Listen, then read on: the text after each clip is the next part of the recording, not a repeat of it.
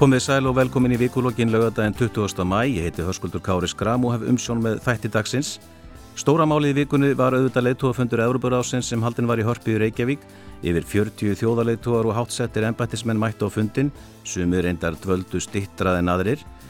Við ætlum að rýna í þennan fund í þættunum og þá niðurstuðu hans og mögulega áhrif ef einhver. Hinga til að ræða þetta eru mættið Bjarni Jónsson, þingmaður vinsti grætna og formar auðaríkismálanemndar Alþingis, Vilborg Ása Guðjónsdóttir, Alþjóða stjórnmálafræðingur og fyrirvendir aðgjafi þingmanna Íslands deildar Európaráðs þingsins og Jón Ólásson, professor í menningar og rústansfræði við Háskóla Íslands. Verið velkomin. Áður við förum kannski í einstök atriði þessa fundar, Bjarni, þú náttúrulega komst að skipulagningu þessa fundar og undirbúningi. Þetta er náttúrulega fundur, svo stærsti fundur sem haldin hefur verið hér á landi. Þetta hefur verið vantilega töluverð vinna. Já og margir svo komið að og ég hef beðið satt að hálf þjóðin hefði með einhverjum hætti komið að undirbúningnum en þetta fór náttúrulega á stað síðsliði vor og, og eftir einhversin í Ukrænu og snörpið yfir hjá öðrubráðstinginu og síðan eru bara áðunni að, vísa rússum út og, og eftirfengni með að nú er virkilega komið að því að halda leittóafund og, og treysta böndin og hefði verið umræðin áður en það þurfti því miður þetta til. Og í vor hóst undirbúningur að, að því og auðvitað var ekki ljós hvar fundur myndi að verða og, eða efni hans. Þannig að það var í, í vinslu í, í sömar og höst og í höst að tilgetum Ísland sem uh, geskjafa sem var mikið leiðu fyrir okkur að vera valinn af því að það var margir sem voru tilbúin til þess. En líka skipti máli að það kæmi eitthvað raunverulegt út úr fundinu og auðvitað hann er vel sóttur að aldaríkjónum og hvortækja tóst og við getum verið mjög stolt, stolt að því og líka hvernig okkur tóst að taka mútið fólki og, og fylgja eftir þeim áherslum og þeim verkefnum sem þarna voru lágu fyrir og uh, Það var ekki einbúið að þessi fundur er því haldin hér á landi? Nei, alls ekki, það var, var það voru fleiri land sem voru meirinn tilbúin til þess auðvitað og, og við vorum í, í formösku í Európaráðinu núna á þessum tíma líka og við höfum ákveðna ímynd Ísland og allþjóða vettfangi, góða þannig að það eiga flestir uh, gott með að sætta sig við að, að við höldum utanum slíkt og en, en svo var auðvitað málið að tryggja að það yrði alvöru niðurstöður út úr fundinum og, og þetta er langt umfram væntingar þar sem að tókst á þessu fundi og líka með, bara með mætinguna og við sjáum síðan framhaldið á því. Já, einmitt eh, Vilborg, eh, Evrópuráði sem slíkt að byggir á falleri hugssjón stopnað eftir uh, síðari heimstyrjöldina hvers konar stopnun er þetta? Er þetta Eh, hef, hafa samþyktir og, og, og sem er innan þessar stopnunar eitthvað gildi á alþjóða vettfangi eða er þetta fyrst og fremst eitthvað tákgrænt samstarf? Nei, það má ég segja í raun að þetta sé bæði tákgrænt og mjög sko, praktíst líka að því leiti að uh, þetta sáttmálanir, sérstaklega mannægtandarsáttmáli Evrópu, aðeldaríki eru skildu til þess að, að fullgilda þann samning til þess að geta orðið að, að, að Evrópuráðinu og svo erum við með mannættindómsdóla Európa til að fylgja því eftir. Þannig að það eru, ég myndi segja að, að sko, Európaræðið er um, mjög markþætt stofnun. Það komir raun og óvart þegar ég fór að vinna í tengslu við ráðið hvað þetta væri sko gríðarlega vel staðið að öllu í þessari starfsemi og hún er markþætt, þannig að hún er á mörgum mismunandi stígum, það er frangatavaldsstígi, það eru þingmerinni, það er sveitastjórnastígi Svo er það náttúrulega það sem að gerir stofnunum svona sterkar, eins og ég áður sagði, uh, sáttmálanir og dómstofnin. Eh, og hafa þessa samþektir uh, eitthvað vægi, er, er það skuldbyttandi fyrir þjóðríki? Já, það eru bindandi. Mannestandsáttmálun er, er bindandi, lagalega, fyrir aðaldaríkin. Þessi fundur, hann hóst náttúrulega með vítakri netarós rúsa á Ísland, reyndar einhverju svona uh, samtök ekki ofnberð allavega þykist ég vita svona með við þær yfirlýsingar sem að voru gefnar út eftir að netarósunar hófust Jón, þá voru gerðar árásir og við alþingis Ísafíja við hefum stjórnarásins og svo framvegs var þetta ekki, ekki, ekki eitthvað sem var svona freka viðbúið? Jú, ég býst nú við því þetta er svona bara partur af því sem er í gangi og þegar aðteglin er á Íslandi sem hún var þetta í einhverjum skilningi út af þessum fundi að þá beinist þetta hingað líka Ég eins og það er auðvitað svo merkilegt með hennan, hérna, hennan heim, sagt, hennan hérna, neðanjarðar nettheim að, að hvernig honum er stýrt sko vegna þess að, að nú eru þetta ekki ordrur bendinu sem að koma úr Kreml eða eitthvað slíkt heldur eru þetta miklu leiti sjálfstæðir aðilar sem eru að reyna að þóknast einhverjum með aðgerðum eða tilraunum til að, að klekja á einhverjum Já, en, en, en sko þeir halda þessari fjallað Kreml þar að segja með því að segja að þetta er bara einhverju net hakkarar sem eru ekkert endilega á okkar vegum þannig að náður einhvern veginn að halda þessari armslengt og, og, og allavega svona hafa, passa upp á það að það sé ekki rúsa, rúsneska ríki sem er að stunda þessa netarúsleiri eða hvað. Já, já, maður kannski kalla armslengt að það eru auðvitað, auðvitað mikið hluti af svona uh, hérna, undiróðurs og áróðustarfsemi sem að, að tengist Rúslandi og, og sagt, er á einhvern hátt uh, stunduð í því skyni að grafa undan því sem að er að gerast á Vesturlandum og svo framvegis. Hún hún er, henn er ekki beinlinni stjórna, hún er auðvitað aldrei anarkísk og, og, og þar eru kannski aðilar að hasla sér völl og, og það geta verið mjög svona óbein tengsl við þessar leini þjónustustofnanir eins og Geru sem er leini þjónusta Hessins og svo auðvitað SVFR sem er og FSB þessar, þessar hérna stofnanir sem að líka berjast innbyrðis eins og við sjáum nú glögglega í, í hérna yfirlýsingum Wagner hópsins og kallaða sem að veriðstur orðin sko einn helsti andstæðingur vartamálar á sem í Kreml sko þannig að þetta er, þetta er auðvitað mjög mótsagna kent og kátísk staða mm -hmm. En uh, hvernig voru, þið voru náttúrulega nefndafundum þingmenn þar á meðal utaríkismála nefndi eða maður rétt á meðan þessum netar og sem stóð hafði þetta mikil áhrif á vinnu alþingis? Já þá voru nefndir að starfum já, e, ekki utaríkismála nefndir en já þetta hafði starf áhrif kannski einna hálfan tíma en ekki mikið meir þannig að til, hafði ekki neyn uh, áhrif til lengri tíma og, og, og með náðu ekki heldur tilgöggi sínum að það brótast frekar inn kerfið sem það rætluði þessir mm. En það er ekki tilvíðan að þetta var gert og mér finnst það að undistrykka mikið í fundarins og það sem útvorunum var að koma. Og í nóttunum var líka gerð stórfæld 11 áras á Ukraínu sem að líka tegndist þessu fundi að ég held. Og uh, sama var þegar Örbráðstingið um daginn samþykti tímabanda álutunum um uh, brotna mókuranskara barna sem strísklapp þá var líka fyldi eldfi áras hann er að þeir verðast viðstu að taka erubráðið og erubráðstingi alvarlega. Mm -hmm. En það er náttúrulega búið að reyka rúsa úr ráðinu. Þeir eru ekkit með í þessu samtali sem voruð komast, er, er það bara allt í lægi þurfum við ekki að vera eitthvað svona samtal við þá meðan, þessu, á, meðan á þessu stendur? Já, maður segja að það séu svona tvö viðþorfi í, í því sko, hversu, hversu langt gætu þeir gengið án þess að þeir eru reknir úr samstarfinu því þá eru þeir að brjóta allt sem að samstarfi gengur út á.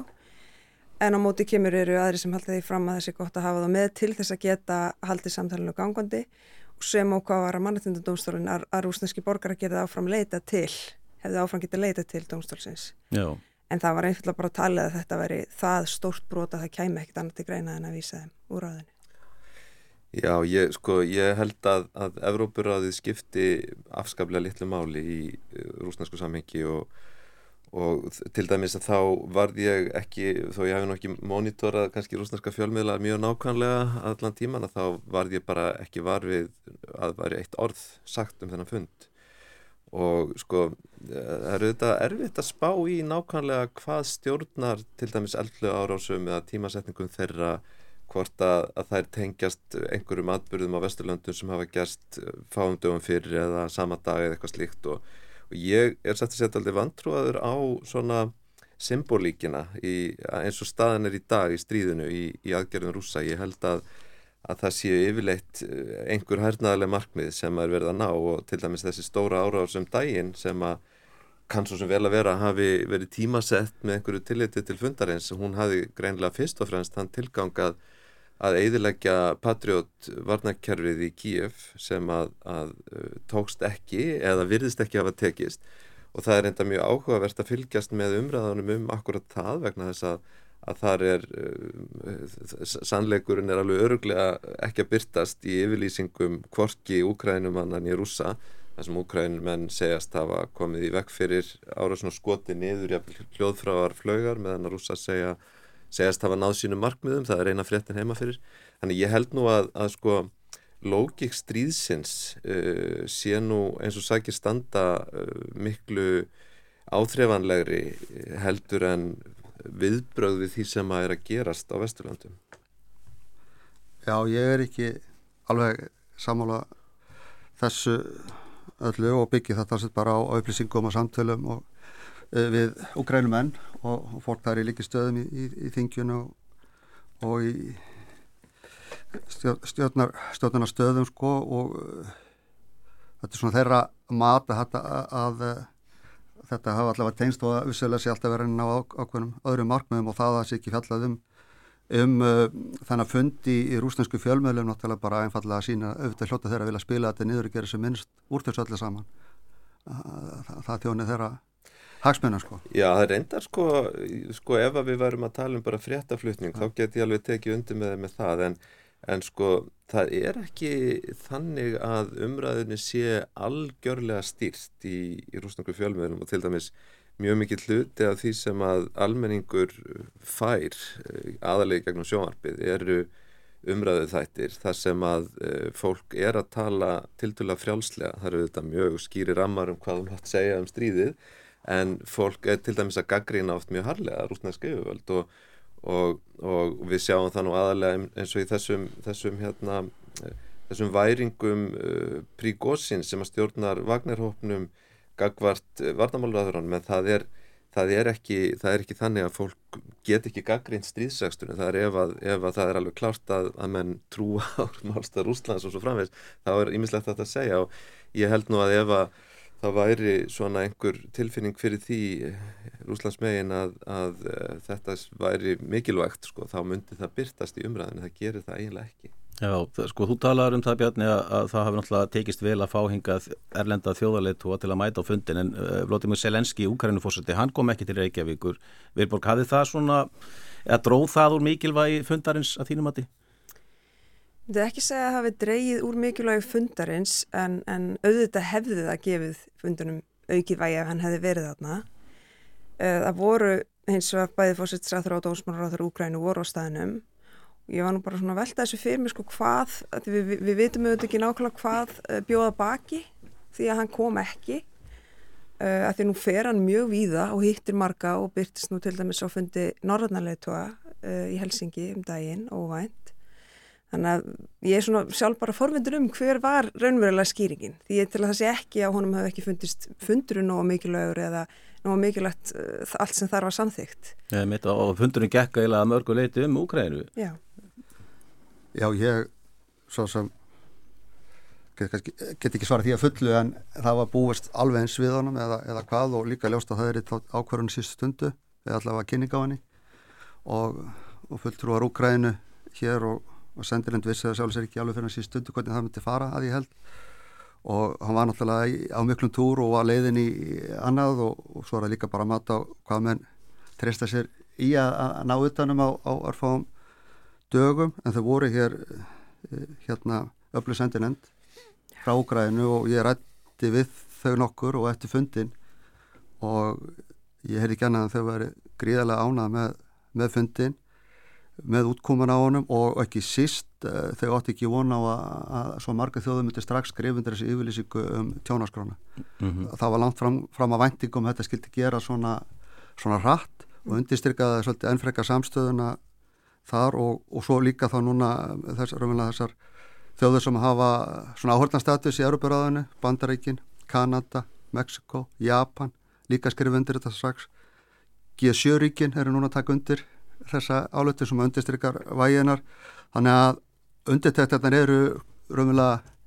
jafnfram og, og svona snemma langt umfram og væntingar og svo geta þá líka þau ríki skrifa undir sem að stóða álötun í saminu þóðana frá 14. nógubur síðastlinu í sömu, sömu veru að hérna En fór þá fram mikil vinna svona að bakvið allt saman til þess að fá ríki til þess að skrifa undir þessa tjónaskíslu og bara til þess að fólk sé upplýst um það að þá er þetta skísla sem á að halda utanum alltaf tjón sem rússar hafa valdið í Úkrænu eh, var mikil vinna svona að baka til meðan, meðan þið voru að fá ríki til að skrifa undir þetta eða þurfti ekki að sannfara þjóður um, um það? Það var gríðileg vinna á bakvið þetta og, og, og eins og framann af Ógræðinum en vildu fá sem sterkasta samþygt út af fundinum og svo voru aðri sem vildu fara sér hægar. Og svo er þetta líka fordæmiskildi þannig að fólk getur séð þetta byrtast gegn sér síðar ef, og sérstaklega það eru svona einvalds sinnaðir leittóar þannig að um, tímbölu vissum við ekki svo sem hvort þetta myndi fara og, og, en, en Ísland stóð sér vel raunverulega að draga alla saman að þessu og okkar sendinendi í Strasbourg bara að hægla þeim sérstaklega og fyrir, fyrir það að ná þessu svona langt þannig að allir urður ánaður á, að lokum með útkomuna þar með talið Úgræna En voru það vonbreiði að Serbia, Ungveriland, Armenia, Azerbaijan, Tyrkland og Bosnia-Herzegovina hafi ekki skrifað undir þessa yfirlýsingu? Ég held að menna ekki endilega búist við að það myndi gerast alveg strax en einhver þessar landa munu koma síðan í framhaldi En, en Jón, hva, hvaða merkingu hefur þetta plagg? Ég, sko, ég held að, að það hefur mjög mikla merkingu og, og það er mitt, menna, mér finnst stundum þessi umræða um sko hversu mikilvægur þessi fundur hafi verið eh, kannski eh, aðeins hérna skikja á það sem er sko vægi Evrópuráðsin sem að snýst ekki um að taka ákvarðanir eins og G7 er að gera um refsi aðgerðir eitthvað sem að gerist hér og nú heldur að að ná samkominnlægi um miklu stærri atriði sem hafa áhrif til lengri tíma og, og Evrópuráðan alltaf hefur haft sko alveg gríðarlega mikið vægi í því að, að hérna í rauninni svona sauma Evrópu saman eftir hrjön kommunismans ég meina það er hérna allt það sem hefur gerst í sambandi við fjölmiðla og mannriðtendamál hefur mjög mikil tengst við starf Evrópuráðsins. Þannig að ég held að sko tjónaskíslan sem er ekki teltur minnst á í Rúsland og ég held að það sé engin að pæli henni þar núna hún skiptur auðvitað máli til framtíðar ekki síst vegna þess að með henni eru Európaríkin líka að sko standa saman um hvað sé rétt í upptalningu á þeim staðrendum sem að, að við tengjum í stríð, Meina, hva, hvaða tjón hefur orðið? Og þetta er, er gríðarlega mikilvægt þegar að uppi staðið eftir eitt ár, tvö ár eða lengri tíma að þessi hlutir séu svona á hreinu og þessi samkómulega um það. Þannig að, að, að sko þó að þó þetta sé ekkit sem að kannski hefur stór áhrif á pólitíkina eða stöðumála í dag að þá er engin spurning að, að þetta getur haft gríðarlega mikið að segja til lengri tíma. En eru einhverja líkur á að rússar borgi eitthvað af þessu tilbaka? Jú, það er náttúrulega spurningi sem margir spyrja sig og í, í, það er nú þegar verið að tala um að, að það sé hægt að gera það í gegnum egna upptöku sagt, á Vesturlöndum, egnir rúsa á Vesturlöndum, að það sé ein leiðin. Um, við vitum náttúrulega ekki hvernig mögulega samningaverðar um þetta verða þegar að því kemur. Verðan í stjórnmöldir Úslandi á þeim tímapunkti sem eru einhvern veginn tilbúin til að koma til móts við, við þessar kröfur. Um, já, við vitum það bara ekki ennþá í dag hvernig það verður. Svo held ég að þessi eitt kannski sem að ágætta mun eftir líka að tjónarskráum mun koma að góðu nótum þegar kemur að því að undurbúa jafnvel sagamál vegna stríðskleipa og, og hérna er svona mikið vægur hluti þess að það sé jafnvel að fara í, í, í að fylgja eftir stríðskleipum fyrir stríðskleipa gleipa dónstólum og slíkt. Og, og, og þessi viðbót varandi börnun og brotna barnana. Þannig að hér er komið líka ákveðin grunnur sem að mun nýtast í, í því að fylgja til sakamálum bara gegn einstaklingum og, og leittógum og fólki í líkil stöðum sem að bera ábyrð á á innrásunni og, og, og, og þeim hörmungur sem hún hefur skapað þannig að það stýst ekki bara um fjármun heldur líka geta skapað ennferðikar grunn til þess að sækja fólk til saka fyrir strísklæfi. En, en hefur eitthvað svona verið gert áður? Við vitum náttúrulega að þekkjum söguna það voru hérna strísskadabætur sem þjóður að þurft að greiða eftir fyrri heimstyrjöld ég veit ekki hvernig sú, sá útreikningur fór fram en hefur einhver tíma verið samþygt að búa til svona tjónaskísla áður? Já, það eru fleiri dæmum þetta um, Eitt er hvað var þar finna og, og framhaldsstriðið svo kalla. Þeir þurftu að greiða Sovjetríkjónum bætur uh, á þeim tímpundi. Nýlæra dæmi er, eru Írakar sem voru rétt fyrir um árið síðan að klára að greiða sína skadabætur til Kuwait eftir persafórastriðið 1990. Það var 30 ára tímambil. Það var að hluta til tekið af semst ólíutekjum, var prósenda af ólíutekjum Íraka sem fóru í að greiða þetta. Það voru saminuð þjóðnir sem heldu utanum það og Um, eins og ég skilir þetta þá lítur Európaróði á þetta sem fyrsta skref þess að tjónaskraf sem fyrsta skref inn í starra verkefni sem er ekki ólíklegt að samnöðu þegar hann komi að uh, á síðari tímabóndi. En verður þetta þá þannig að rússar geta ekki að fullu komið aftur inn í alþjóðlega samfélag nema taka á sig þessa ábyrð eða hvað? Mögulega en það veldur kannski mikið til á hvernig eh, stríðum mun þróast, hvernig um, staða stjórnvalda verður og hvaða breytinga verða þar á. Og svo auðvitað vitum við að svo getur orðið aðra breytingar samhliða í alþjóðakjörinu sem, sem breytastöðunni þannig að það er ekki hægt að spá fyrir það með algjörlega í dag. En úkrænumenn uh, krefast þess í dag að, að eina leginn tilbaka, eina leginn til réttlæti sé að rúsar greiði að fullu allan skada. Já, en verður þá Evrópur ásins að halda utanum þetta eða verður það saminu þjóðunar eins og þú nefndir? Hvernig mun framkantin fara fram? Var það eitthvað skrifa niður eitthvað? Það er, það er, það er raunin litið á þetta sem fyrsta skrefið. Já. Þannig að nú er Evrópur að taka þetta verkefni að sér um, ásamt öðrum þjóðum eins og Bjarni nefndi og, og að fjármagna þarna og þetta verður svona ákveðin strúktur í, í kringum þetta, uh, þetta verður staðsett í Haag í Hollandi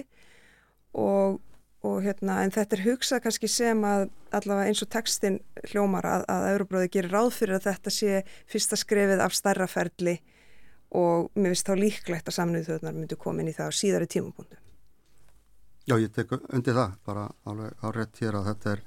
þetta er grunnur síðan að frekar í vinnu fleiri alþjóðastofnana og alþjóðsamfélagsins til þess að fást við þessa stríðskleipi og afleðingar þeirra. Já. En er ekki þó líklega, Jón, að þetta já, drægi stríð á langin mikið líkundin á því að rúsa sér eitthvað tilbúinir að semja um frið? Nei, ég, ég held ekki sko, ég, það er uh, sko í dag uh, það sem við sjáum í Rúslandi er kannski bara meir og meiri forherðing gagvart Vesturlöndum en það snýst ekki um þessi svona stefnumál heldur snýst það miklu frekar um bara þá staðreind að, að uh, mótstaða Vesturlanda gagvart innrásin í Ukrænu er ekkert að minka. Það er það sem að ráðamenn í Rúslandi hafa veðjað á að það eru pólitískar breytingar í, á Vesturlandum sem að væri rúsum í hag og ég held að, að, að það sé að verða fleirum fleirum ljóst þar að að sko er, þess er tölverst að býða ef að það gerist yfirleitt að, Vesturlönd byli í, í þessu í stöðningi við Úkrænu og ég meina líka eitt sem að, að maður ætti að hafa í huga og það er það að, að svona þessi fórustu sveit rúsa, þetta eru allt, mjög aldraðir menn, þeir eru margir á aftræðiseldri og, og það er leitun að mönnum undir 60 sem eru þannig fremstu röð. Og, og þetta einfallega held ég að eh, ætti að segja okkur sko að, að, að þó að rúsa séu mjög dreysugir sko í, í síni, síni mælskulist kakvart Vesturlandum að þá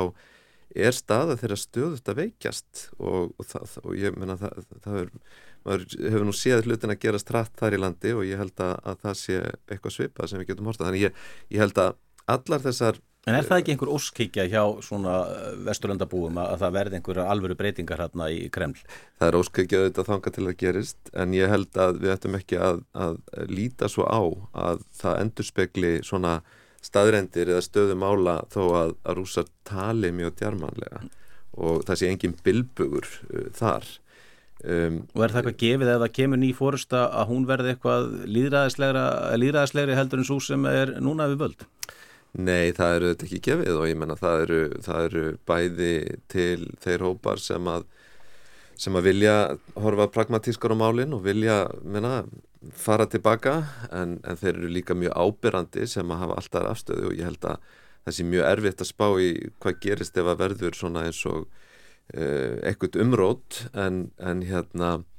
En á hinbóin sko þá, þá held ég að við getum líka hort fram á, á svona miklu stórfældara samfélagslegt trun í Rúslandi af völdun stríðsins svona þegar til lengri tíma litið. En ég menna, þú veist að spyrja um sko hvaða áhrif allt þetta, allar mhm. þessar ákvæðanir hafi og, og ég held að, að sko það, það er núna þá er kannski breytingin sem hefur orðið í Rúslandi á svona viðþorfinu til stríðsins er svo að, að þessi þessi svona samfelda, þetta samfelda áróðusprogram sem að var í gangi til að byrja með, það hefur aldrei vikið fyrir bara þeirri stöðu að, að yfirvöld segja við almenning við eigum í stríði. Meina, stríð, allt í unum farða stríðið er kalla stríð og, og, og, og þannig að það er komið svona stríðs uh, svona stríðsumræða mikil sko, og mikið verða að pæla í einstökum matriðum stríðsins hvernig árangur náist og allt það og ég held að að, að þess vegna segja sko að, að það er miklu meira bara lógik stríðsrekstursins og hvernig eigi að, að skýra það sem gerist og gerist ekki heima fyrir sem að hefur áhrif frekar en það hvað er nákvæmlega verið að ákveða á Vesturlandum hverju sinni. Já, ég held að geti tekið undir þessa greiningu hér og uh, það er ekkert gefið þá að vera stjórnarskipti að það verið endilega mikið betri stjórn þetta vonustu til þess að það komist á líraðis uh, fyrirkomla þarna sem, sem allar fyrst og að það verði ekki algjört samfélagilegt hrun heldur sem geti verið geti haft halvara afleðingar en uh, þegar kemur að stuðningunum sko við Úgræni á og það er að ljósta að Európa stendur mjög tett saman og sjáum það eftir þennan fund hérna núna hvað, hvað náttúrulega að allir hafa snúið bökum saman með Úgrænu og standa með þeim í þessu sem að skipti greiðilegu máli eða auðvitað er samt ákveðna ávögið sem að hægt er að hafa á, á framhaldinu og eftir sem að dregst á langin og já, í, í konunum með almennings að þá til að mynda er hverki meiri stuðningu við á, heldur en á meðal Íslitinga við að stiðja áfram við Úgrænu sem er svolítið aðeinsvært að það skulle vera mestu stuðningur á Vesturlundum á Íslandi við, við Úgrænu en síðan er þessu bandaríki sem er að standa þétt með við núna og þetta líkil atriði hvernig þeir hafa stíð inn í þetta að ég aldrei anda fórsettakostninga þar þegar það fer að vera meira áherslu á innanlandsmál og, og jafnvel eða þau eru stjórnarskipti og, og við fengjum, fengjum uh, einhverja svipað á Trump aftur til valda hvað það geti þýtt og fyrir, fyrir framhaldið ef að, ef að stríðu verið ennþá í játnum á þeim tíma. Og þetta óttast margir og þetta er svona umræðið í Európa eins bara við stöndum þétt saman núna öll þessu lönd en, en uh, það þarf að vera þannig áfram og, og, og uh, þegar ég var í, í Kífi februar á samt fleiri kollegum og áttu fund með Selinski þar að þá laði hann sérstaklega áherslu á það að þeir, þeir eru það ná markverðum árangri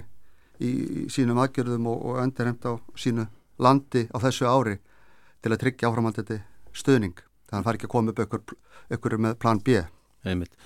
Sitja hérna hjá mig Bjarni Jónsson, Þingmaður Vinsti Grætna og formar auðaríkismálunendar Alþingis, Vilborg Ása Guðjónsdóttir, Altjóða stjórnmálafræðingur og Jón Ólofsson, professor. E, förum aftur að, svona vikjum aftur að fundinum, það voru kynntar hérna niðurstuður hans á bladamannafundi á miðvíkudag. E, svona Vilborg, þetta var náttúrulega mjög svona, ég held að þetta hafi verið ykkur 6-7 punktum hérna, ef maður rétt, e, hvað svona stóð upp úr í þessari niðurstuðu að þínum að því, fyrir utan kannski þessa tjónaskíslu sem við hefum verið að ræða? Já, tjónaskíslan stóð náttúrulega efst og um, að öðru leiti voru áherslur íslensku formunskunar að, að hérna, á umhverfismálum til að mynda og mannrettindum jáðarsettra hópa og einni var þessi umræða um í rauninni ógnin sem að, að ný tækni getur staðið, að getur ógstæðið að líðræðinu vegna nýra tækni. Þú ert að tala um gerfigreindina. Gerfigreindina, já. já, fyrst og fremst. Um, en það kannski fjallsóldi í skuggan af öllu hinnu, þetta snýrist fundurum fyrst og fremst um Úgrænu og, og tjónaskráin bar þar hæst. Um, og svo einfalla bara að þessi leiðtövar sé að hittast í fjóraðskipti hérna frá stopnun Európarásins 1949 og um, fyrri þrý leiðtövarfundir voru nú sko sá fyrsti uh, 1993 í Vínaborg, hann var haldinn í rauninni bara beint í kjölfa kaldarstrísins þannig að það kom upp þessi nýja staða eins og, eins og Jón nefndum daginn uh, í hvað hlutarki Euróbráð hefur verið í það að, að sagt, ný, þessi nýju aðeldaríki uh, ríki sem áður tilherðu Sovjetríkjunum eða voru undir áhrifum Sovjetríkjana um, stuttu þau í, í þeirri, þeirri vinnu að áttalýraði og, og mannveitundum á réttaríki um, Þannig að þetta, fundindur sem fylgd á eftir, uh, annar og þriði, það var svo sem ekkit sérstaklega fókus á eitthvað ákveð, það var engin ákveðin krísa sem var að vera ræða þar, en svo kemur þessi fundur og það er, þá í rauninni þetta gildi bara að leiðtóðinni komið saman. Og eins og fólk kannski tók eftir að þá var um, búið að undibúa langflest og eiginlega allt í aðdragandanum, sem er oft raunin með þessu stóru fundi. Það er ekki sitið lengi við að ræða, heldur er eh, kannski fyrst og fremst þetta fyrir myndirnar, fyrir það að hafa komið saman, fyrir að hafa lagt áherslu á þetta. Þannig að við erum með þessa stærstu leitóa og eiginlega alla leitóa í Európu sem mæta. Uh, einfallega kannski mest fyrst og fremst til að sína þessa samstöðu sko, sem að er svo mikilvæg og er eins og Jón bendir á eitthvað sem að rúsa kannski byggust við að myndi draga úr Já, í þessari niðurstöðu er meðalans talað um að stopnaði verði þessi alþjóðdómstól sem við tölum um undir alþjóð- og sakamáladómstólunum sem hafi það hlutverka rétta yfir ríkjum vegna innrása önnu, á önnu ríki. Uh, Jón, er, er, dugar ekki alþjóð og sakamáladómstól til þess að fara í svona mál eða þurfum við sérstakann dómstól?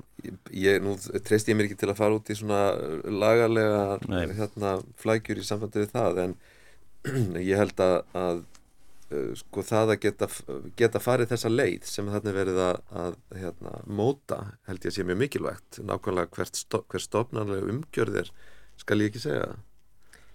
Nei, mér heyrist að ég raun að það, þetta var svona kannski meira vilja yfirlýsing yfir að vilja skoða það og þetta, þetta er eitthvað sem úkrænumenn vilja. Mm -hmm. en ég við myndi ekki séð svona kannski nánar útfæslar á því hvernig þetta myndi vera ymill við hliðin á alþjóða uh, glæpadónstólum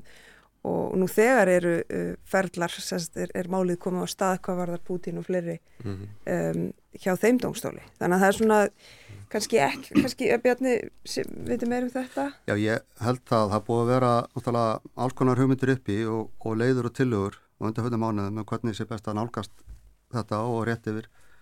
strilskleipa mönnum og uh, margar stofnarnir vera að koma því og, og, og ríkja þeirri umræði en það sem aðra verður að reyna að tala sér niður og það verði fundin leið sem er einn skilvirkast sem mögulegt er og hefur verið að breyða skískotun og lögsögu sem hægt er til að, að tryggja framveitlæsra mála og hluti til snýstafum það að, að raunverulega uh, hjálpa ógrænum ennum líka að, að uh, byggja upp jafnvel uh, sem skotildustu og vönduðustu dómsmólinu og slíkt, þannig að þetta sé alvöru það sé alveg réttar heldur slíkt það sem er allra, allra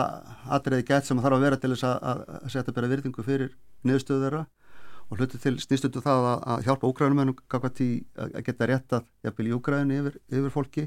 Og eins hvernig við sem alþjóðarsamfélag getum náð sem breyðast utanum uh, þetta því að uh, svona ymsu alþjóðarstofnanir eða, eða, eða samtök og jafnvel, já, Európa sambandið aðri hafi ekki þessa lögsu þannig að, þannig að það vera, held ég verið að tala sér nýra það sem er greiðilega mikilvægt. Og annars sem að kannski ekki, hefur ekki verið í umræðinni hérna núna sem ég fannst mjög mikilvægt og það var, það var líka verið að stiga ákveðin skrifa varðandi stuðning við Belarus og, og, og líðræðisöfl þar. Og, og við vorum með, vorum með rétt kjörin fórsetta Belarus hér að það kvittur Úslands á, á fundinu Og hvaða skrif voru stígin? Í það er náttúrulega meðal annars að þau eru að að fá, er að fara og er komið með raunverulega ennþá meira aðgang og þáttöku inn í Europur-ráðstinginu og Europur-ráðinu, taka þátt í störfu þess og slíkt og svona frekar í viðkynning á, á þeirra stöðu og, og þeirra málstáð Stjórnarlandstöðun er í Belarus Já, stjórnarlandstöðun er í Belarus og þannig að það er mikið lágslag það og, og þau eru mjög ánað með þessa tróun heyri ég líka og, og heyri það á Svellunni sem var hérna Og það fennum þennu sögum af, af heilsu Lukashenko, þetta er svolítið sovjest, hann, hann er Já. veikur og hverfur í einhverju viku, svo er byrtist einhver ljósmynda sem hann er að heilsu på hermenn, eh, við veitum ekki hvort það sé lífið eða ekki. Og þetta er sko, ég átti ágættis samtal við hana Svellunu um, um þessi mál sem að get ekki færi með og bara hvernig þau meta þá stöðu og, og möguleg viðbröðu henni og, og hvað geti gæst. Þetta getur verið mjög, mjög þá eldfind ástand sem getur skapast ef að heilsuna ferur eitthvað mm. frekar hjá manninum. Já, þetta myndir svolítið á, á, á brefsnið tíman ef við morið við hann upp í jón. Svona veikur leittói sem og það má ekki spyrjast út að hann sé alvarlega veikur. Já, já, það er náttúrulega þetta helsufar leittóana er alltaf, alltaf í umræðinni og ég menna auðvitað hefur mikið verið talað um helsufar Pútins og ég held nú að, að sko Lukashenko sé betri kandidat en Putin til að vera að missa helsuna því að maður sér það bara á manninum sko, menn að Putin er svona grannur og frekar fitt en annars held ég sko varðandi þess að þessar, þessar sagt, aðgerður eins og, eins og þennan nýja alþjóðadómstól mögulega tjónaskrána ákærur á hendur Putin og, og mögulega fleirum fyrir stríðsklæpi og já, reynda nú þegar fleirum. Að þá hérna það eitt sem að held ég að skipta svo miklu máli líka er að, að þegar að þegar stríðinu líkur, segjum, segjum að því ljúki ef maður bara ímynda sér hérna, hvaða scenario, hvaða sviðsmyndir getur fyllt stríðslokum. Menna við sjáum að þetta svona ákveði hættu ástand skapast við það að, að svæði sem hefur verið hernumið er það ekki lengur. Minna, þá koma úkrænuminn inn það þarf að leita þar að fólki sem hefur verið að vinna með rúsónum og svo framvegs og svo framvegs og það verður auðvitað ákveði lögleisis ástand óhjákvæmilega. Og við erum nú bara nú síðast í þessari viku þá eru aðtiklisverð viðtölvi næstu því 100 ára gamlan fyrirverandi eh, meðlum í fransku ansbytturhefingunni sem var að viðurkenna fjöldamorð á þýskum hermönum hérna í stríðslokk í Fraklandi og, og við, menna, við þekkjum þessar sögur hvað gerist þegar stríðinu líkur það verður algjört kás og þess vegna held ég að sko uh, að það sé einmitt svo mikilvægt að sko móta þessa stopnana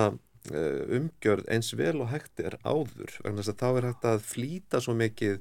því yngripi sem að, að þarf að gera bara til þess að vernda einstaklinga og komi vekk fyrir morð og, og, og hérna, bara það, það, það aðstand sem getur skapast. Rímar þá niðurstaða þessa funda núna í vikunni við þetta sem þú ert að segja, er, er þetta svona fyr, gott fyrsta skref? Ég, mér finnst það, mér finnst það vera það og ég, sko, það er þetta mikið búið að, að kritisera hluti eins og ákjærun á hendur Putin, sko, til hvers og af hverju komið vekk fyrir að, að hann geti verið í rauninni á allþjóða vettvangi fyrir sitt ríki og svo framvegs, en, en það er þetta, þetta endurspeglar gildismat og þetta endur speklar aðgerða áætlanir sem að, að á ákveðnum tímapunkti þarf að hrinda í framkvæmt mjög fljótt og, og, og ég held nú sko þó ég sé að segja hérna að skipti rúsana engum máli eitthvað sem er að gerast á Vesturlandum, auðvitað vita menn af þessu í Rúslandi, auðvitað hefur þetta inn í kerfinu einhver áhrif á hvernig menn hugsa um framtíðina, þannig að, að, að svona maður ætti ekki að vannmeta þessi þessi svona áhrif sem að sjást kannski ekki á auðuborðinu. En Evrópuráð er ekki það fyrsta sem kemur upp í hugan á manni þegar maður er að hugsa um svona alþjóðlegt samstarf. Það er náttúrulega saminuði þjóðunar, Evrópusambandi, G7 og allt þetta. Evrópuráð er kannski frekar neðalega á þeim lista. Þetta eru svona vilja yfirlýsingar. Er þetta raunverulegt plagg, Vilborg? Tjónaskræn? Já, nei, bara sem þetta er niðurstað fundarins. Það því að mikið svona í stefnumarkandi yfirlýsingum líðræðslegt gildi, stopnaður verði, þetta er svona uh, mjög mhm. fögur orð en, en, og fyrirheit en, en er þetta, þetta raunverulegt plagg? Já, tjónaskræn er, er, er bindandi og er, má, má segja þá raunverulegt plagg. En svona niðurstaðan sem hitt sem... Í, yfirlýsing fundarins er kannski meiri tákgræn, ég menna það er í, í höndum hvers leðtóa að, að fylgja því eftir.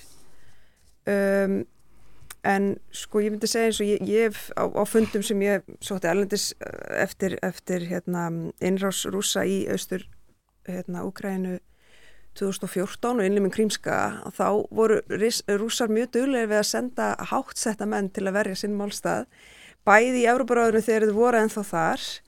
og eins í, í Ösithinginu þar sem að, að ég satt líka fundið þar.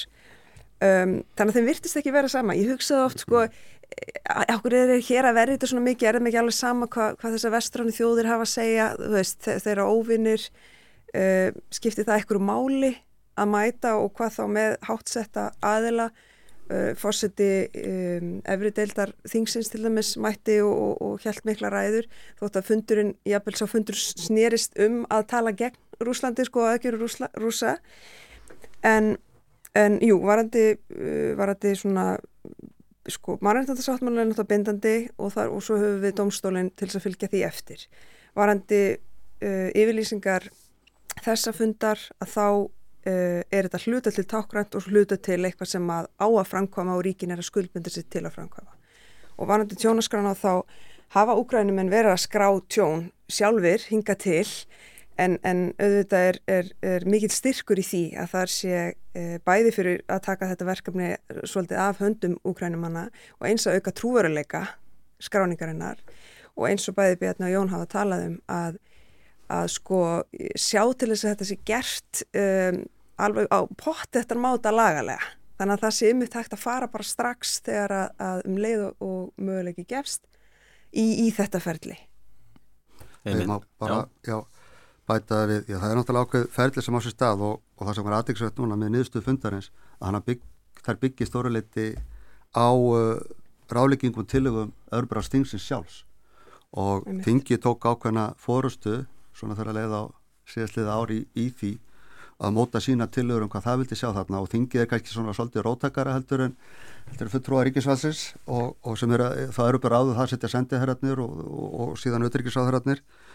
en niðurstan var svo að fara talsveruleiti að tilögum þingsins sjálfs sem að líka er greiðilega styrkur að tengja framkvæmdavaldið og þingið og þá þjóðþing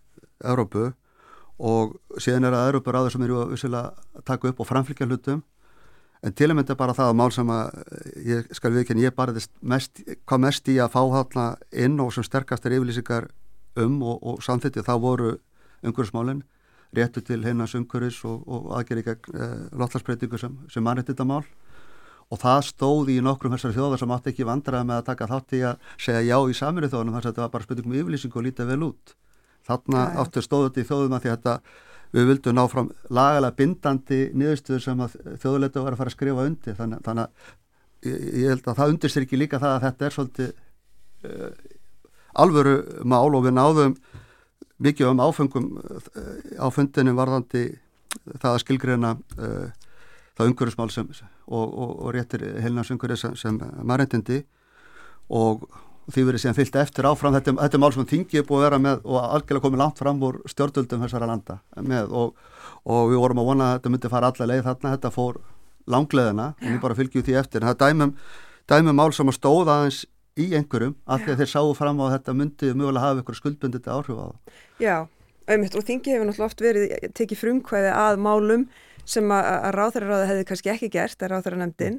og smá saman mjagast þetta áfram. Þannig að eins og ég skilir þetta í það minnsta að þá, þá eru umhverfsmáli í yfirlýsingunni hún er ekki lagalega bindandi en þetta skrefi þá átt kannski að það fari inn í sáttmála sem eru lagalega bindandi og sem, sem dómsvöldin getur og það er það sem við horfum fram á núna bara, núna bara í beinu framhaldi verður bara unni áfram þetta mál Já. það verður ekki látið niður falla Nei. þannig að þetta er bara áfangið þeirri leið mm -hmm. En er, er, var þetta sögulega fundur? Verður þetta svona fundur sem fyrir á spjöld sögunar eins og leituða fundurinn hérna Rekan, Rekans og, og Gorbatsjó á sínum tíma, Jón? E, hvernig myndir þú þetta sögulega gildi þessa fundar? Já, sko, ég, þetta er náttúrulega ekki þannig atbyrður, þú veist, ég meina það, það, það, það vantaði mómentið sem var á leituðafundinum og, og ég held að, að þýleiti að þá er þetta kannski einn af þeim fundum sem ekkit endilega verður svona tekin upp sem þetta er ekki hrun Berlinamúrsins eða eitthvað svoleiðis en, en við auðvitað höfum ekkert alltaf rétt að sín á hvaða atbyrður það eru sem skipta mestu máli þetta er lengra tími litið. Og, og hérna ég held að, að kannski þessu að þá, að þá er eh, hérna held ég sko að, að minna, umræðan og fjölmiðlar eru ofta að krefjast sko eh, einhvers konar, eh, einhvers konar afleðingar strax. Minna þegar það eru settar refsi aðgerðið kakvart rúsum og þá er spurt virkar þetta og ætlast til þess að það sé þá bara komið í ljós á viku? En, en það eru svo, svo mikið af þessu og ég minna það sem að hefur þetta gæst í stríðinu öfugt við það sem að, að rúsar ætliðu sér, öfugt við það sem flesti byggust við er að það e, dregst á langin í staðan fyrir að það verði eitthvað árásastríð sem að e, gengur yfir á kannski nokkrum vikum og síðan er sest niður og samiðum eitthvað að þá er þetta orðið eh, sagt, langvarandi stríð, taugastríð, útalstríð milli eh, rúsa og ukrænmennu þetta en með þessari miklu þáttöku Vesturlanda. Og, og, og þannig að þetta er að breyta eh, heiminum á svo ótrúlega djúbstæðan hátt og, og hérna og þannig að ég held að það sé frekar lógist að horfa á einmitt hérna, stofnarinn eins og Európaráðið sem er í rauninni dálítið að vinna þessa svona undirstöðu, undir áframhaldandi samstöðu, áframhaldandi skuldbindingar, uh, þjappa ríkjum og leðtugum saman og svo þetta stendur Európa alltaf fram með því að, að það er þessa, þessi stöðu og óvisa í bandaríkjónum. Ég meina, hérna, það eru bara alveg talsverða líkur á því að það verði viðsnúningur á næsta ári, eða ég meina, það getur vel gerst. Að koma einhver allt önnur pólísía í kvitahúsið Um, ég meina við erum að horfa núna á hérna, þessar samningaviðræður bætans við fórustu, republikana fórustu þingsins þar sem að hótuninni um að, að hérna, uh, semja ekki um sagt, áframhaldandi leifi til skulda útgjalda er haldið sko við bara fram á síðustu stundin en það hefur gerst margóft áður. Það hefur gerst margóft áður en sko og ég menna ég er ekki að fara að spaði að eitthvað slíkt gerist, ég held að það sé mjög ólíklegt. En sko þessi spenna sem að mönnu finnst eðlilegt að halda og sem að heldur öllum sko einhvern veginn við efnið gagvart bandaríkjónum og, og ég menna við erum búin að upplifa það að hafa fjórara tímabil með fósettins og Trump sko. Það er þetta setur alveg rosalega svona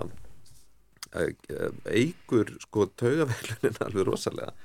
mm -hmm. En nú eru bandarækjumenn með áhörnafulltrú og voru með áhörnafulltrú á þessum fundi núna í vikunni e, já, gáðu þeir eitthvað út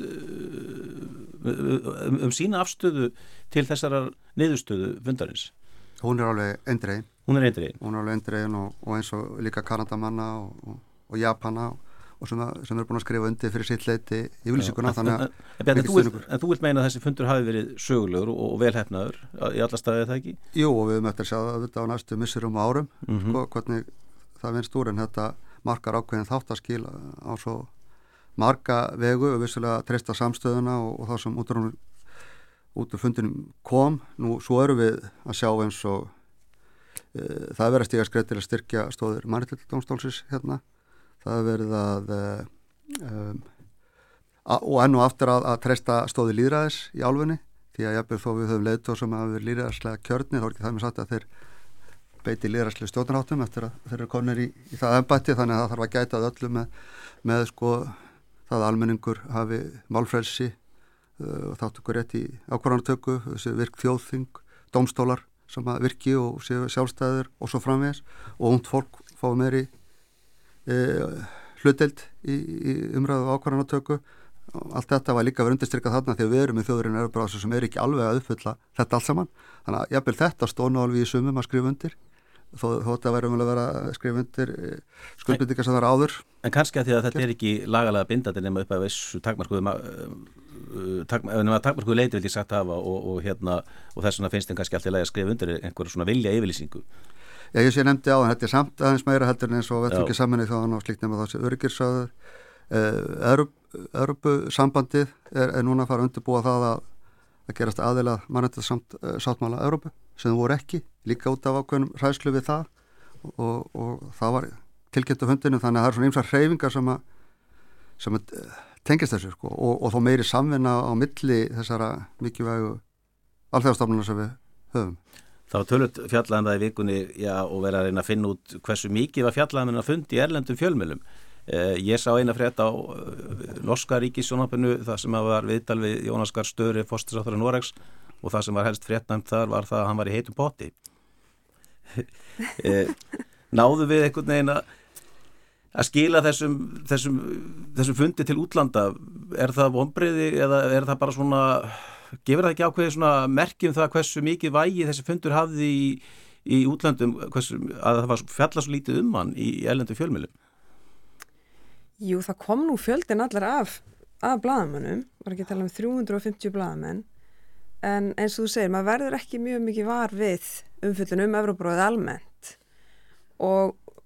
einhverju leiti kemur það óvart vegna þess að stofnun er gríðalega áhrifarík. En kannski er það eins og Jón talar um að þetta er svona vinna þess að sko drópin hóla steinin, þetta er ekki eitthvað að gerast akút sem er þelst á fréttnæmt heldur er þetta uh, mismunandi tækja tól sem hafa áhrif til lengri tíma litið. Og þetta er mikilvægast að mannættendastofnun Evrópu, það er engin svona stofnun til í heiminum annars þar, þetta, þetta er, þessi stofnun er, er klálega langfremst um, og nú þegar það stæðjar ógn að þessum gildum um, um allan heim og þar á meðal í Evrópu þá verður þessi stofnun ennþá mikilvægri og eins og Bjarni nefnir Evrópusambandið sjálft sko sem er stofnað 8 árum og eftir Evrópuröðinu uh, það tekur upp, það lítur mjög til Evrópuröðsins þegar kemur á mannættindamálum um, þannig að já frettaflutningur, af hverju er hann ekki meiri um, um, um þennan fund? Kannski að því það var ekki beint að þess að vænta að það erðu stóra frettir sko varðandi hernaðinn í Úkrænu það var ekkit sem var að fara að breyta honum sko bara í þessari viku. Heldur er þetta frekar eitthvað sem að já, þetta er einmitt eitthvað sem að Európaræði getur gert. Það getur aðstofa á þennan hátt og stuttu Úgræna á þennan hátt. Og, og kannski veitt stuðningi þessari almennu evrósku samstöðu sko Ég, en, Mér finnst það líka sömuleiti bara hérna, tröstveikjandi sko, fyrir fjölmjölan almennt að, að það að allir þessi leiðtöðar komi saman, það er ekki fréttaefni í sjálfu sér. Fréttaefnið er eitthvað sem þeir gera og nú eru þetta margt sem að gerist á fundinu sem að ætti kannski alveg að vera meira fréttaefni heldur en það var en, en, en já, ég held að kannski það var búið að byggja upp allar væntingar hér svona ósynlagt hérna heima, hérna heima sko, að þetta væri eitthvað svo stórkoslegt að þessir 45-6 leið, eða sem sagt fulltrúar sem að landa hittust hér en það út af fyrir sig kannski verður aldrei heimsfrétt sko. Nei. Nei, það var náttúrulega ákvæmt það sem að við vildum er ekki, þetta snýrist bara um það að hér verður fólk að hittast og spjalla, heldur að það væri eitthvað raunverulega að kemja út af fundinum. Og til þess þurftur náttúrulega undirbúa það gríðarlega vel og, og þá texta sem átt að skrifa undir og, og yfirlýsingar frá honum mm -hmm. og það var að vera að takast á um, um þá eða, eða semja alveg fram á síðustu stundu en, en uh, kannski það fyrsta sem var búið að loka snýra að, að tjónaskráni og þeim hlutum sem að náðast fyrst samstöðum að hafa klárt og svo var eiginlega verið að loka haldið fram á síðustu stundu sumu mm -hmm. Uh, þannig að það skipti öllu máli fyrir okkur og ég veit að og, og Katrín Forststráðara sem var geskefi fundarins laði alla áherslu á það að ná fram alvöru útkomu fundinum og ég held að það hefði Það markmið hefði tekist. að, að já, já, ég held að það markmið hefði tekist og, og svo sumið þjóðlega tóar voru náttúrulega veltaði fyrir sig fram að síðan stundu hvort þetta mætið ekki. Verður þetta náðu stór fundir að, að ég verða að vera þarna bara getur get ekki þekktu fyrir hana mm. og sumið melduðu sér setnið aðrir í, í þeim og sem er náttúrulega kannski láta þannig að stæða aldrei en eitthvað svona fundum en, en það að fá alla þessa leitu að stæstu ríkjana hérna með uh, var grundvallarættur og við berum þetta saman með fyrri sko fundi svona fundi örburásis þess að þrjá undan þá var ekki svona góð mæting þetta var alveg einstök mæting að fá fáröfnlanar bara alla leitofana hér. Já en Rísi Súnak fórstsáður að Breitlands hann mætti svona í fjóra, fimm klukkutíma talaði um, já, mikið vægi samstöðu og var eitthvað að og mannreitita domstólun og flótamenn og svo var hann farin og tók svo, ekki þátt í málefna En svo eru líka að horfa til þess að þetta var heldur ekki sjálfkjöð að fá þetta fólk hérna hafandi G7-fundin í Japan framöndan bara beinu framhaldi og allt annað sem verið í gangi. Þannig að það var líka að trubla á tímabili sko mögulega mætinga því að það voru aðri stóri viðbyrði sem þessi letu voru að fara að taka þátt í. En, en gerði það enga síður. Ég myndi segja, segja sko, þetta er sögulegu viðburur náttúrulega fyrir, fyrir okkur, Íslandinga, þetta er sögulegu viðburur fyrir Evrópuráðið, þetta er það líka. Og mikilvægur viðburður sko inn í næstu, næsta áratugin lengur hvað, þegar kemur að vend, vend þessara gilda sem að okkur eru svo mikilvæg.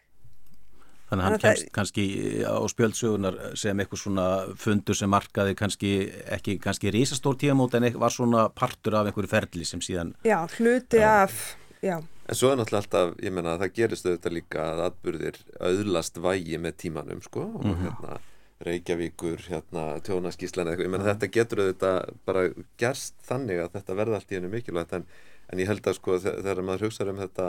þetta svona þessa tímamóta uh, sín sko eins og hérna Reykján og Gorbachev við hafum það eitthvað svo leiðis auðvitað er þetta ekki tannig Nei. Þetta er annars eðlis en, en uh, auðvitað áttar komið ljós hvernig, hvernig sumt eldist af þessu ja. og, og hérna síðan bara var svo margt að gerast í krigum hennar fund. Þarna voru alls konar hliðarfundi þarna voru leitu að hittast og, og ræða mál jafnvel, millir þeirra ríkja og slíkt. Og, og Ísland átti marga slíka fundi og okkar fólk mm. og auðvitað og fastsáþurra eh, snert okkar hagsmunamál sem við höfum verið að berjast í eða samskiptjast sömuð þjóður og það áttur að koma líka í ljós á næstu dögum sumt sem út úr því hefur komið en við verðum að ná lengra með sömum mál sem hafa verið En, en, en þurfum við ekki að fá kínverja og, og, og indverja með í þetta til þess að þetta hafi svona alvöru vægi? ja. Já, allir, ég veist að Ólafur Ragnari finnist það. Sem að nefna nú eitthvað. Ég, sko, þetta, við, við erum auðvitað að horfa á uh, sko, ástand í heiminum sem að minnir að vissuleiti á heimstyrjaldar ástand þar að segja að það er allir að og líka auðvitað á kaldastriðið á sínum tíma. Ég meina það er verið að leita bandamanna og, og, og, og núna þá profilera þessi ríkis Einland, Kína, Brasilia einhverju leiti, Suður Afrika, Rúsland saman. Þannig að eh, sko það, auðvitað er mjög margt að gerast til dæmis á milli bandaríkjan á Kína sem að getur breytt þessari stöðu. Og, og þá má kannski segja þýleiti þá, þá myndir maður vilja sjá einhverja breytingu á þessum svona bandalegum sem að virðast vera að myndast svona en aðalatrið núna eru auðvitað bara þessi samstaða Vesturlanda En ég kannski bæta við sko það sem Selinski verður ekki áslá og, og kom fram á fundi sem við áttum með honum í vetur að hann var að tala um, já við höfum þessa samstöðu Vesturlanda með okkur uh, við þurfum að, að ná til uh, annar hluta heimsins Suður Amerika mm. Asia, Afrika og, og það er verkefni sem ég er að fara í og það tekist líka bara hérna fæðuriki og fleiri fleiri þáttum. Þannig að það er sannleika sem, sem að þau vilja og hann er að vinna í og, og skiptir náttúrulega grundölda máli upp á svona farsatt framhald og, og Verið, og, og vonandi koma þessi þjóðu með okkur þar sko, sem er indverðir eða kymverðir eða hvað og, ákveðin svona jákvæð tekn með hvað var það Kína sem að hefur verið talað um svona hvað standið þessu að þeir voru að kjósi fyrsta skipti með því um daginn að, að rússar væri árásaræðili í þessu stríði hjá saminni þóna það var ákveð skref og, og, og, og fundu Selinskis með, með fósetta Kína og vonandi vera fleiri skref að þeirra hálfu stíun og annara sem hafa staðið út af þetta stóra þjóðurs Sko það eru þetta mjög áberandi hvaða eru í rauninni fá ríki sem að styðja rúsa af alveg, ég meina það er mhm. eiginlega bara Íran og, og Sýrland, Belarus og Norðkóra Já, örfá ríki. Meina, ekkert sko Brasilíu fósetti gaf til dæmis mjög svona skrítna yfirlýsingu og sem hann síðan drefði tilbaka. Uh, kynverjar passa sér mjög að sko sagt, ganga ekki ólangt í sínum stuðningi Suður Afriku Afrika svona bendi á að það veri kannski ekki æskilegt að Putin kemur þar á, á Bríkspönd sko þannig að mm. það, það er svo fjarrið því að stuðningurum við rúsa sé jafn eindregin og þeir halda fram sjálfur Við erum því miður búið með tíma en, en svona til að ljúka þessu, hvað er framöndan um helgina Vilborg? Já það var nú hugmyndin hjá okkur fjölskyldinu að, að reyna að setja nefnir kartublur um helgina ef að veður leifir Það var haglíla á þann eins og Já, það er svona spurning hvernig það fer og, og ég ætla nú að, að plata fóröldar minn í það, þau vitið ekki ennþá, þau eru líklega að hlusta að vera með því. Hvað er framöndanum þér? Tja, það er að koma börnum í barnaafmæli og reyndar á ég erend út í, í keflauguflöðat líka. Bjarni? Já, ég held að ég bara komið mér í skaga fyrir með fjölskyttun og, og líti á atvinnulísýningu sem er verið að opna í dag á Söðakröki sem hefur ekki verið síðan 2018 Einmitt. og verður spennand að sjá hvað er ekki um að vera þar annað heldur en auðvitað. Körubolti Já, til hann ekki með það og, og, og hérna Já, Bjarni Vilborg og Jón, takk hella fyrir komuna í vikulokkin. Ég vil svona áður en við ljúkum þessu minna á Silfrið í sjónvarpinu og morgun klukkan 11 í umsjón Íls Helgasonar og Sigriðar Hagalinn Björnsdóttur. Þau fá til sín formen og fórustu fólk allra flokka á alþingi til að gera upp þingvæturinn og þá stjórnmála umræðan í vetur. En vikulokkin verða á sínum stað næstkomandi lögadag við þökkum fyrir okkur verið sæl.